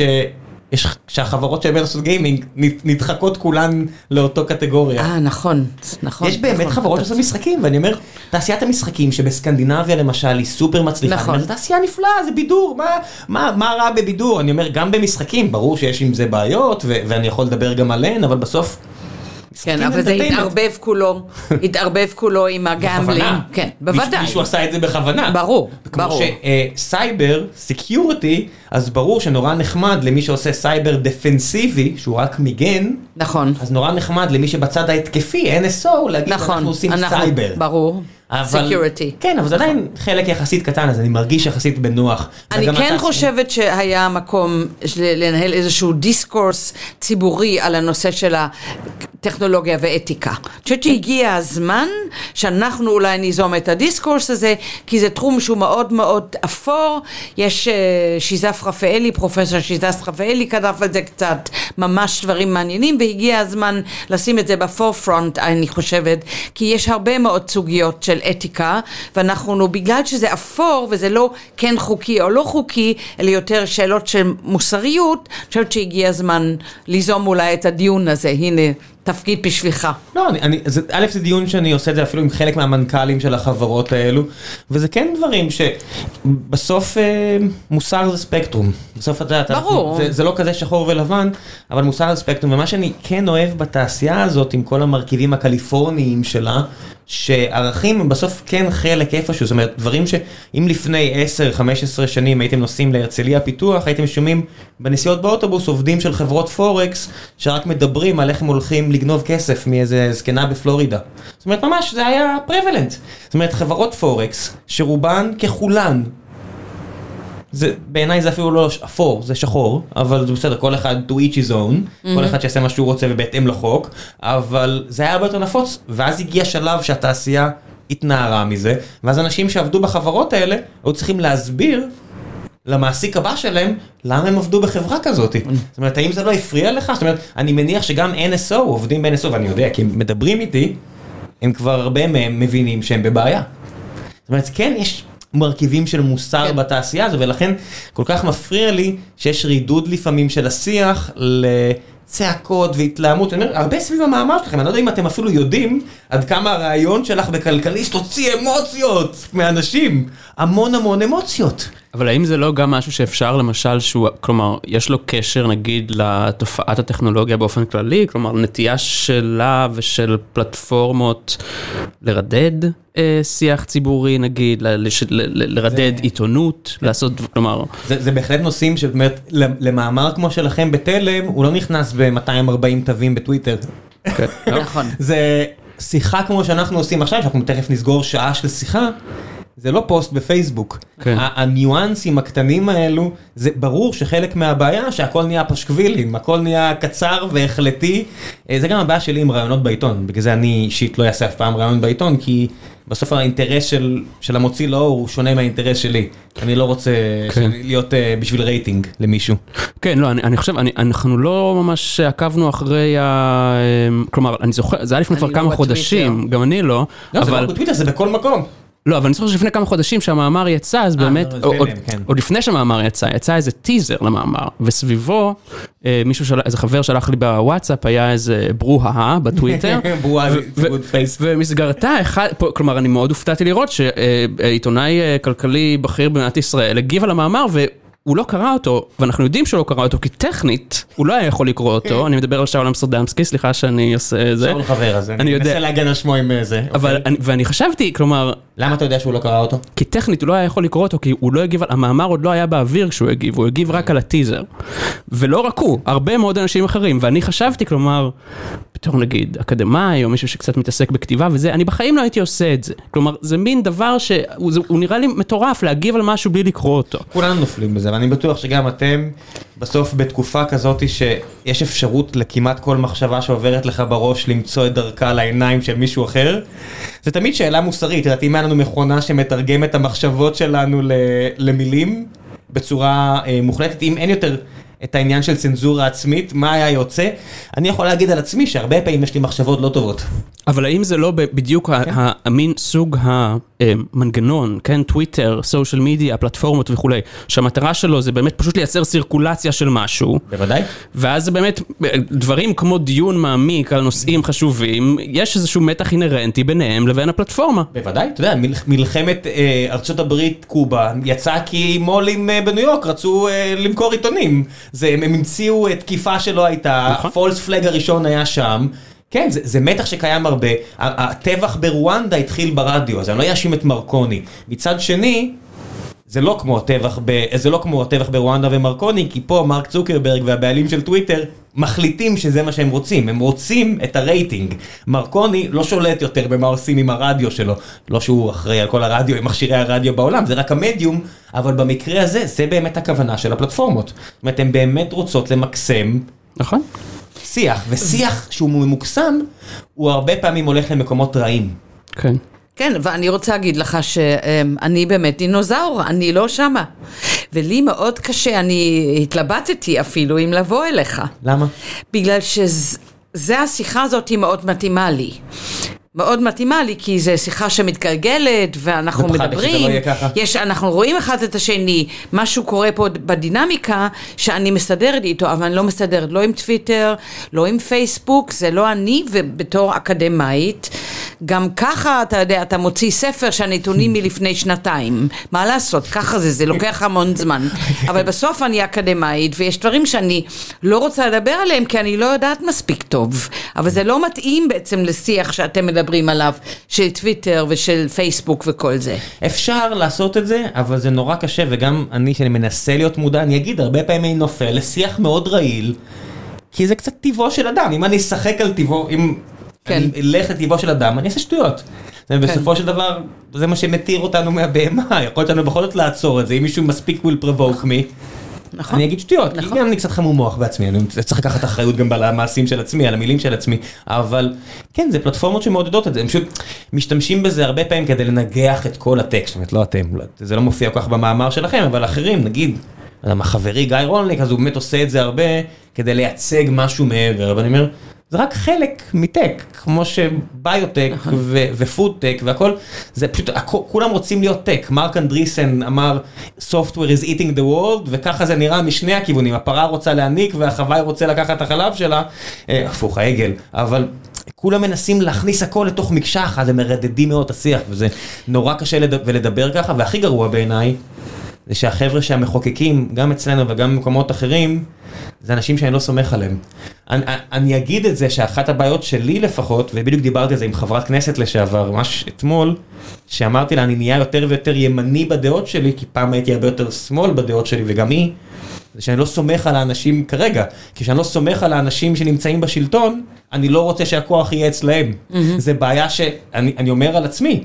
אני אומר, אם הם הולכים לשרת אינטרסים שאני לא חושב שהם נכונים, אני לא רוצה שיהיה להם את הכוח הזה. שאני אומר, לאיפה יכוונו את ההייטק, אני אומר, זה כמו שאם אה, אותו אה, נסיך בגרמניה שניסה לעשות מהפכה עכשיו, ימ- ימין קיצונית, אם הכוח היה אצלו, אני בטוח שכולנו היינו אומרים, ב- כ- באנשים גרמניה, לא היינו רוצים. שהמדינה תשלוט. מתי אנחנו רוצים שהמדינה תשלוט? כשיש good king, או כשיש working democracy, כמו בסווידן, שאנחנו גם. סומכים עליהם, באמת נכון. המילה של trust. ואני לא סומך. עליהם, וזה מקור הבעיה. חלק מהבעיות שאנשים אומרים לי, בואו נכוון את ההייטק למקום אחר, זה אני אגיד, אני לא סומך על הרגולטור הישראלי. זה בעיה. שזה עצוב, ואולי אנחנו יכולים רק להגיד עוד כמה משפטים פה שחשבנו על המודל של סיליקון ואלי, שאנחנו מדברים עליו הרבה. אמ, וכן, יש מודלים אחרים, ואתה אמרת, שוודיה, היום היא מדינה שבכל הפרמטרים של ההייטק עקפה את ישראל כמעט, ב-competitiveness, innovativeness וכן הלאה. מרכז אדיר של טקסטוקון. מדהים, וה...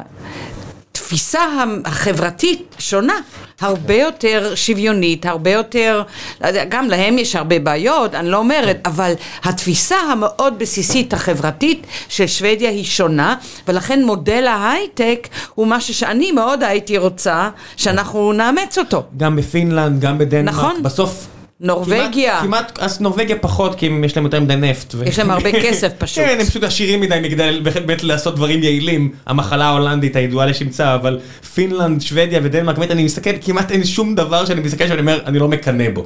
באמת, חלק מהבעיות שיש לשוודיה, שהן נורא דומות למה שיש פה, אני ארצה מאוד לראות כמה אנשים שגרים במלמו, נכון. יעבדו ב SoundCloud או בחברות אחרות שנמצאות בסטוקהולם, ואני מניח שלא הרבה, כי גם הם מהר מאוד יגיעו לבעיות שאנחנו נמצאים, כי הם מדינה עם לב גדול והם קיבלו הרבה פליטים ומהגרים. נכון, אבל יש להם הרבה spillover. יש להם הרבה spillover. יש, כי הם מדינה מעולה. נכון. הם באמת מדינה מעולה, ו... אבל יהיה מעניין לראות, אני מניח שכמו שמערכת החינוך הפינית הראתה לכולם איך אפשר לעשות קפיצה אדירה, אני מקווה שמערכת הרווחה או התשתיות השוודית תראה איך אפשר נכון. לקבל אה, פליטים, כי הם באמת מקבלים המון המון המון, המון פליטים, לא כמו דנמרק או מדינות נכון. אחרות, הם באמת very nice. מה עם אה, אה, איגודי עובדים מאוד חזקים, אתה מקנא גם בזה?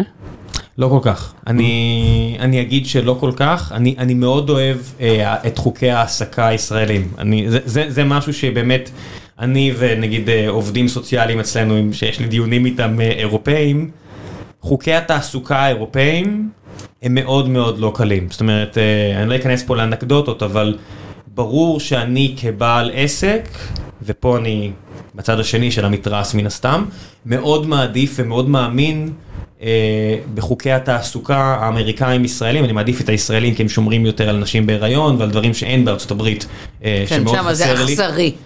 אבל זה, אז זה, זה בעצם אה, אה, מה שנקרא אה, drive the point home בהקשר של אה, האינטרס של השמאל והאינטרסים של ההייטק. אבל אני לא בטוח שזה מתאחד, כי בחוקי התעסוקה האירופאים, אם זה יגיע למקום שנגיד צרפת או הולנד, מדינות שבהן חוקי התעסוקה הם מאוד טובים מצד העובד, אם לא יהיה להם את העובדי הייטק האלה, לא, עזבו, אני לא רוצה להגיד המילה הייטק שוב, כי אני לא חושב שהרבה מילה עושים הייטק, אלא סתם tech, וחברות לא יעסיקו שם עובדים, אלא יעדיפו באנגליה למשל, או מקומות כאלה, שהחוקים הרבה יותר אה, אה, מתירנים לפיטורים. אני אתן לך דוגמה. נפגשתי עם קבוצה של... אה, ב-DLD מינכן, אה, שיוסי לקח אותי, יוסי ורדי לקח אותי שם, אז יצא לי לשבת עם הרבה אנטרפרנורס במילאנו.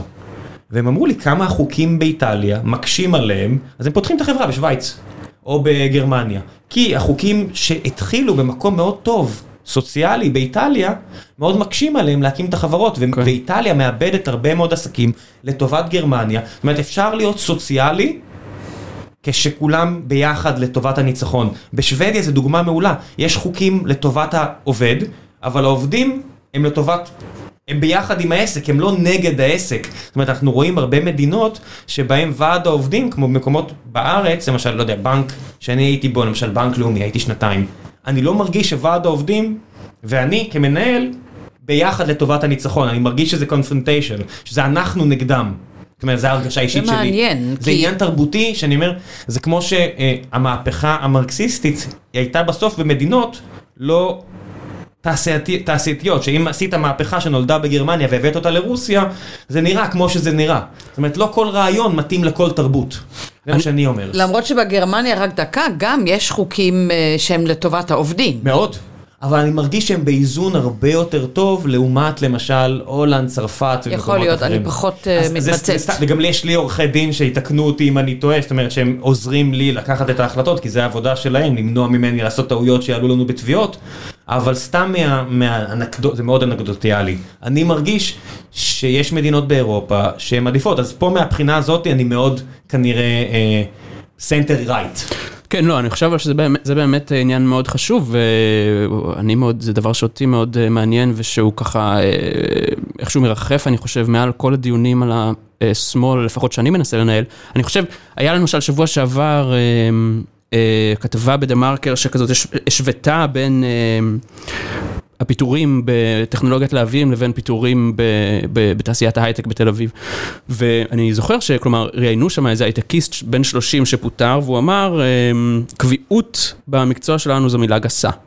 זה לא עכשיו- קיים. מה זה- מה זה מילה גסה? זה לא עכשיו, קיים. ב- בשביל אדם שעובד בטכנולוגיית להבים, או בכן מפעל דומה בפריפריה, קביעות זה ההבדל בין חיים בכבוד לכן התרוששות כלכלית וחוסר יכולת אה, לפרנס את המשפחה.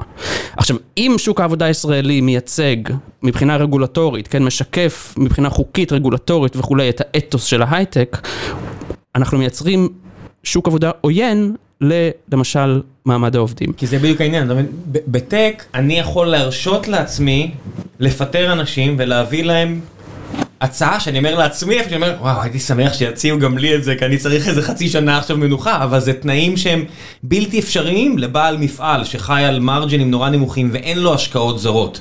אה, אז אני אומר, יש מקומות שאני אומר, באמת לא צריך ועד עובדים. מצד שני, אני אומר, אם המפעל אין לו זכות קיום, כמו מפעלים שהיו כאן, אה, בגיר וכל מיני כאלה, אני אומר, לאיפה זה ילך? זאת אומרת, אני רואה למשל את גפני מתראיין, צריך להחזיק את המפעל הזה בכוח. ואני אומר, אבל אתה לא יכול להחזיק בכוח עסק שהוא מפסיד כסף, או שהבעלים לא רוצה שהעסק הזה יהיה שם. זאת אומרת, אז, אז העובדים יכולים לשבות. לא, אבל, רגע, אבל אבל- המדינה יכולה לספק אה, תוכניות הכשרה, שאם אתה מפוטר בגיל אה, 40 מעבודה, זה משהו שרמי הוד אומר לעיתים קרובות, אתה לא אה, כן מאבד את התחתונים שלך, מה שנקרא. חד משמעית, ורמי, כן, אה, אני מאוד מסכים עם הדברים האלה, תוכנית וויסקנסין ותוכניות אחרות, זה משהו שמאוד מאוד חסר בארץ, אנשים פה אה, שמאבדים את מקום העבודה שלהם, אז זה עדיין לא כמו בארצות הברית, שאתה גם מאבד את הביטוח הרפואי, ואתה באמת... גם בהומלס מהר כן, מאוד. מה זה הומלס? אתה יכול למות, ממש למות. אני, לי יש חבר שלא עשה ניתוח, כי לא היה לו כסף. זה לא, זה לא יעלה. זה, זה, זה נשמע בעיניי כ...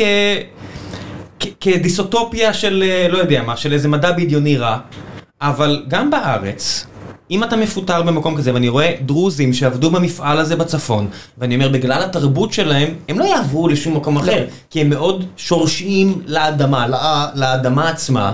הם בבעיה מאוד מאוד מאוד חמורה, ראינו את זה באופקים, ראינו את זה בהרבה מאוד מקומות.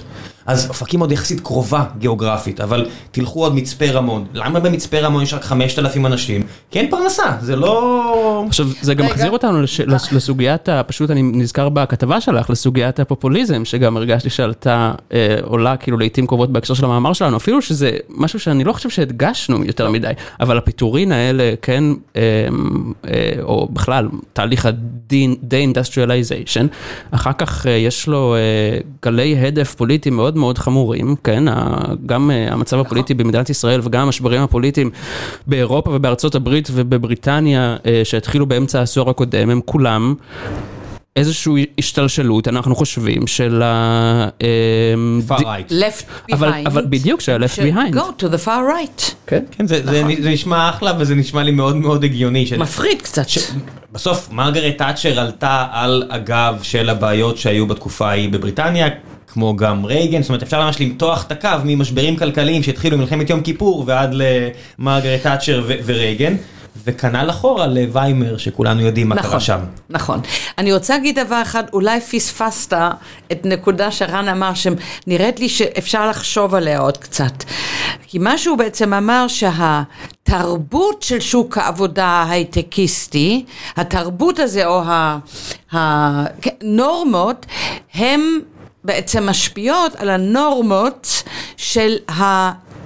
תרבות של שוק העבודה, ואולי את זה, בזה אולי אפשר לטפל ולהגיד, נכון, לא צריך בהייטק אולי ועדי עובדים, אבל כן צריך מנגנונים ששומרים על האלה בלהבים שעכשיו מפוטרים, ולא לתת כן. לתרבות הזה שהיא מאוד ספציפית ונורמטיבית לתל אביב ולהייטק, לא לתת לה להשתלט על איך אנחנו מסתכלים על שוק העבודה. רק שנייה, כי אני כן רוצה להגיד לך, גם במכללה בפריפריה אנחנו צריכים בגלל שאנחנו תלויים בתקצוב שהוא תלוי מספרי סטודנטים, אנחנו צריכים חוקי עבודה שישמרו על אנשים. מי שעובד מתחתיי, אני רוצה שיהיה לו מנגנון של הגנה.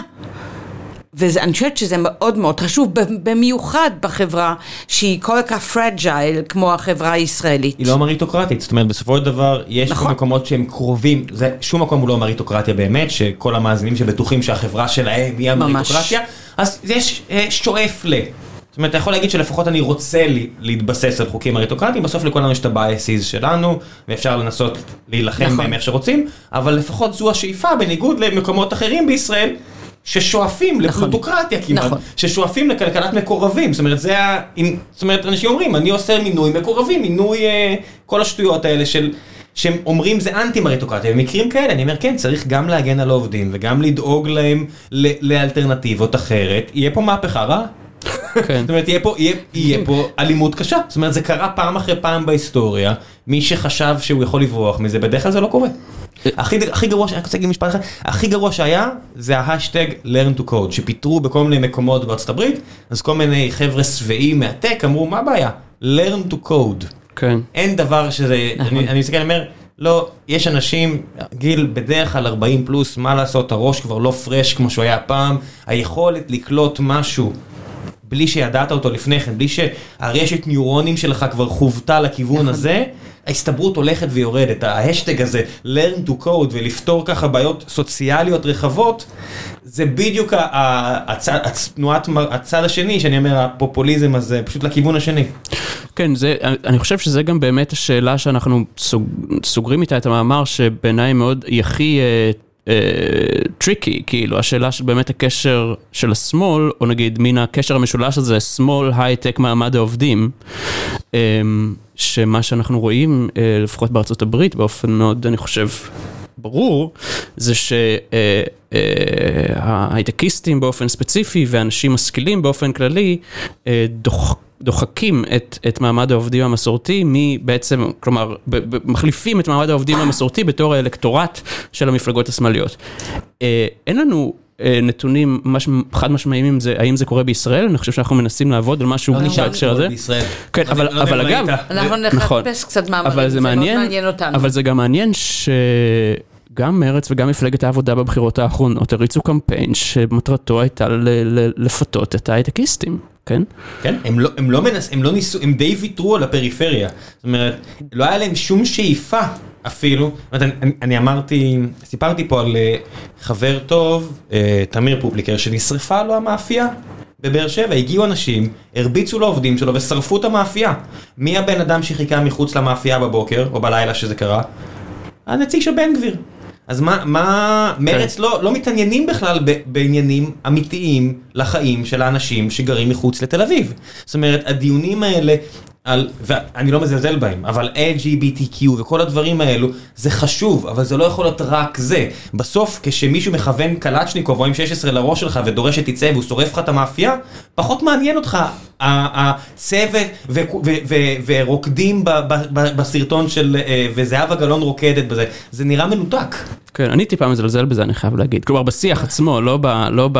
השיח כי הוא מגיע ממקום נורא ציני. כן. חס וחלילה שאתה יודע, בסוף נשכח שבסוף זה אנשים שסובלים בכל מקום. זאת אומרת, אה, LGBTQ זה בעיה גם בחברה הערבית והפלסטינאית והחרדית והכל, זה פשוט חלק, זה פשוט מרכיב נורא קטן בעובדה שיש פה בעיות רחבות יותר.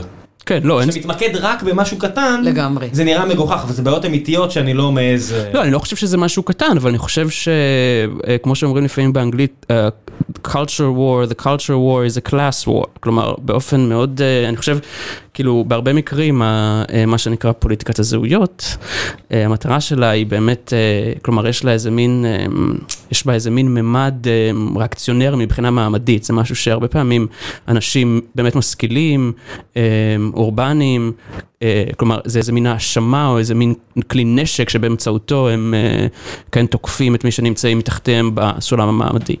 אה, ואני חושב שהשמאל בישראל ובעולם בעולם כולו עובר תהליך כזה מואץ של החלפת הפוליטיקה המעמדית בפוליטיקה זהותית, וכשאני אומר שאני קצת מזלזל בדבר הזה זה רק מנקודת המבט הזאת, לא בגלל שאני חושב שיש איזושהי... כן, אתה רואה איזה יופי לונג פורם בניגוד לכותרת בעיתון, אי אפשר לעוות אותך. נכון. הסברת בדיוק מה אתה רוצה, בניגוד לאיזה כותרת מטופשת. כן. שאתה יוצאת מאיזה משפט שאמרת, בגלל כן. זה כל כך קשה לי עם אולד מידיה שרק מחפש את, אה, את, את הציטוטים המרושעים. כן, לא, גם סך הכל אני בסוף איש שמאל אה, ואני ליברל. כלומר, בוא. אל, אל תשכח שכשיש פיץ' פוקס לא, לא, לא בודקים בתעודות זהות, שאנשים הולכים ברחוב עם אה, לפידים. כן. ככה זה. טוב חברים, חלק אחרון של הפרק, המלצות, אין לי שום רגולציה, אז אתם יכולים להמליץ על כל מה שבא לכם, אה, כל מה שתגידו אני אוסיף לינקים, זה יכול להיות מדברים שאתם עובדים עליהם, הספר שכתבתם אני אשים לינק, או סתם סדרות וסרטים וספרים שאהבתם ובא לכם להמליץ עליהם. אה, וואו, איזה איזה כיף. נכון. אמ, דברים, נראה לי משהו שמאוד רלוונטי אולי לשיחה שלנו, יש אה, אמ, מאמר נורא מעניין שקראתי לפני יומיים, הוא יצא לפני זמן מה, שקוראים לו The Political Education of Silicon Valley. אמ, זה יצא במגזין Wired, אמ, והוא אה, מתאר בצורה מאוד מאוד מעניינת הרבה מהנושאים שדיברנו עליהם כאן, כולל ההשתנות, אה, גם את ה... ככה גניאולוגיה של העמדות הפוליטיות של אנשי סיליקון וואלי, גם את האופן שבו סיליקון וואלי, אה, בסיליקון וואלי יש היום אה, כל מיני אה, אנשים שמנסים לחשוב אה, איך אה, להכניס את המדינה בחזרה, איך לשלב בין המדינה ובין הטכנולוגיה, אה, וכן, הייתי מאוד אה, ממליץ על זה, וגם... אה, שלח לי לינק. אני אשלח לך לינק, בטח. תודה רבה. אני חושבת שמאוד כדאי אולי להזמין את ארז מגור. אה, ברור. אני אשמח, כל המלצה. ארז מגור הוא כתב ממש, הוא מבין הרבה יותר לעומק את התהליכים שאנחנו מדברים עליהם, כי אנחנו גם היינו בקשר איתו וגם קראנו את הדברים, אבל הוא כתב אותם. אה, אני אישית מאוד אוהבת את הספרים של אה, מריאנה מזוקטו, אני חושבת שהיא מצליחה ככלכלנית אמ, לכתוב אותם בצורה מעניינת, היא לא מפחדת מאג'נדה, שזה יפה, וגם אני בספר האחרון החלטתי שאני לא מפחדת מאג'נדה, כי אנחנו האקדמאים בדרך כלל מפחדים מאג'נדות, מנסים להיות you know, אובייקטיבי. אובייקטיביים. כמו מריטוקרטיה, זה המצאה שלא קיימת. אז אני מאוד כן. חושבת שיש לה, לה ראייה מאוד נכונה וגם מאוד קונסטרוקטיבית. לא, לא סתם ביקורתית, אלא קונסטרוקטיבית, להגיד, אנחנו צריכים אה, שינוי בעולם הזה וצריך לעבוד לקראת זה. עוד דברים, ספרים שאתם רוצים להמליץ, אני אחפש פה איזשהו ספר שהוא רלוונטי שרציתי להמליץ עליו. אני חושב-. אני חושב, אה, אה, אדם ברזניץ. דן ברזניץ, אה, כן. הייתי ממליץ לקרוא את המאמר בתלם, הספר כולו הוא ארוך ומתעסק בהרבה נכון. בהרבה דברים טכניים. תשלח לי לינק גם למאמר הזה. כן, בטח. הייתי ממליץ לקרוא את ההקדמה של, זה כאילו לא, לא על ההייטק באופן ספציפי, אלא אני חושב באופן כללי על סוגיות של אי שוויון וכולי, את ההקדמה של פיקטי לספר, זה, זה ספר של 1200 עמודים, אז נראה לי ש... הספר של פיקטי? הספר של פיקטי האחרון, אבל נראה לי רק ההקדמה מאוד מאוד טובה ונותנת... אה, תקשיב, זה- זה- זה פודקאסט שאני ממליץ בו ספרים של אה, מבן בריננקי והלאה, זה- זה זה גיקי לחלוטין, אתה יכול אה, להמליץ על אוקיי. מה שאתה רוצה. לא, אבל אני, אני אפילו לא יודע אם הייתי ממליץ על כל הספר, כי הוא סך הכל די משעמם, אבל ההקדמה ממש מעולה. זה ספר מאוד אקדמי, בסוף אתה יודע. מלא נתונים. כן, פיקטי מאוד אוהב טבלאות ומאוד אוהב להוכיח ריגורוזית את נכון. הטענות שלו, אני מאוד מעריך את זה. בסוף יש הרבה אנשים שנגדו, הוא עדיין יקבל את הנובל שלו, אני מניח עוד כמה כן. שנים, כי העבודה שלו הייתה באמת ברמה מאוד גבוהה, וטוב שכך. נכון, אבל ההקדמה של Capital and Ideology, אני חושב, אפשר אה, להסתפק בזה, וזה ממש מעולה. אני אתן המלצה על ספר שמדבר על הרעיונות שיותר מייצגים את התפיסות שלכם, אבל אה, פחות מפיקטי מהבחינה של אה, זה כן קריא. אז Goliath של מאט סטולר, אז הוא מספר שם אה, הרבה על האי שוויון בארצות הברית ועל האנשים שנלחמו באי שוויון הזה ונלחמו, ונלחמו למען זכויות אזרח במאה ה-50 שנה האחרונות.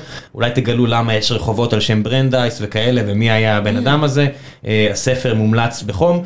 מן הסתם לא הסכמתי עם הרבה דברים שם, חלק מהדברים יכולים להכעיס, אבל זה טוב קצת לקרוא דברים אה, שהם חוש... שאנשים חושבים אחרת מכם. הכי גרוע, לכו לחפש ותראו איפה זה אה, נוגד את דעתכם, אבל תשכילו. Goliath של מאט סטולר, אפשר או ב audiobook או תזמינו ל Kindle שלכם, או לא יודע אם תרגמו את זה, אבל המלצה חמה ממני. תודה רבה. חברים, תודה רבה רבה רבה. תודה לך. תודה. רבה לך. ביי ביי.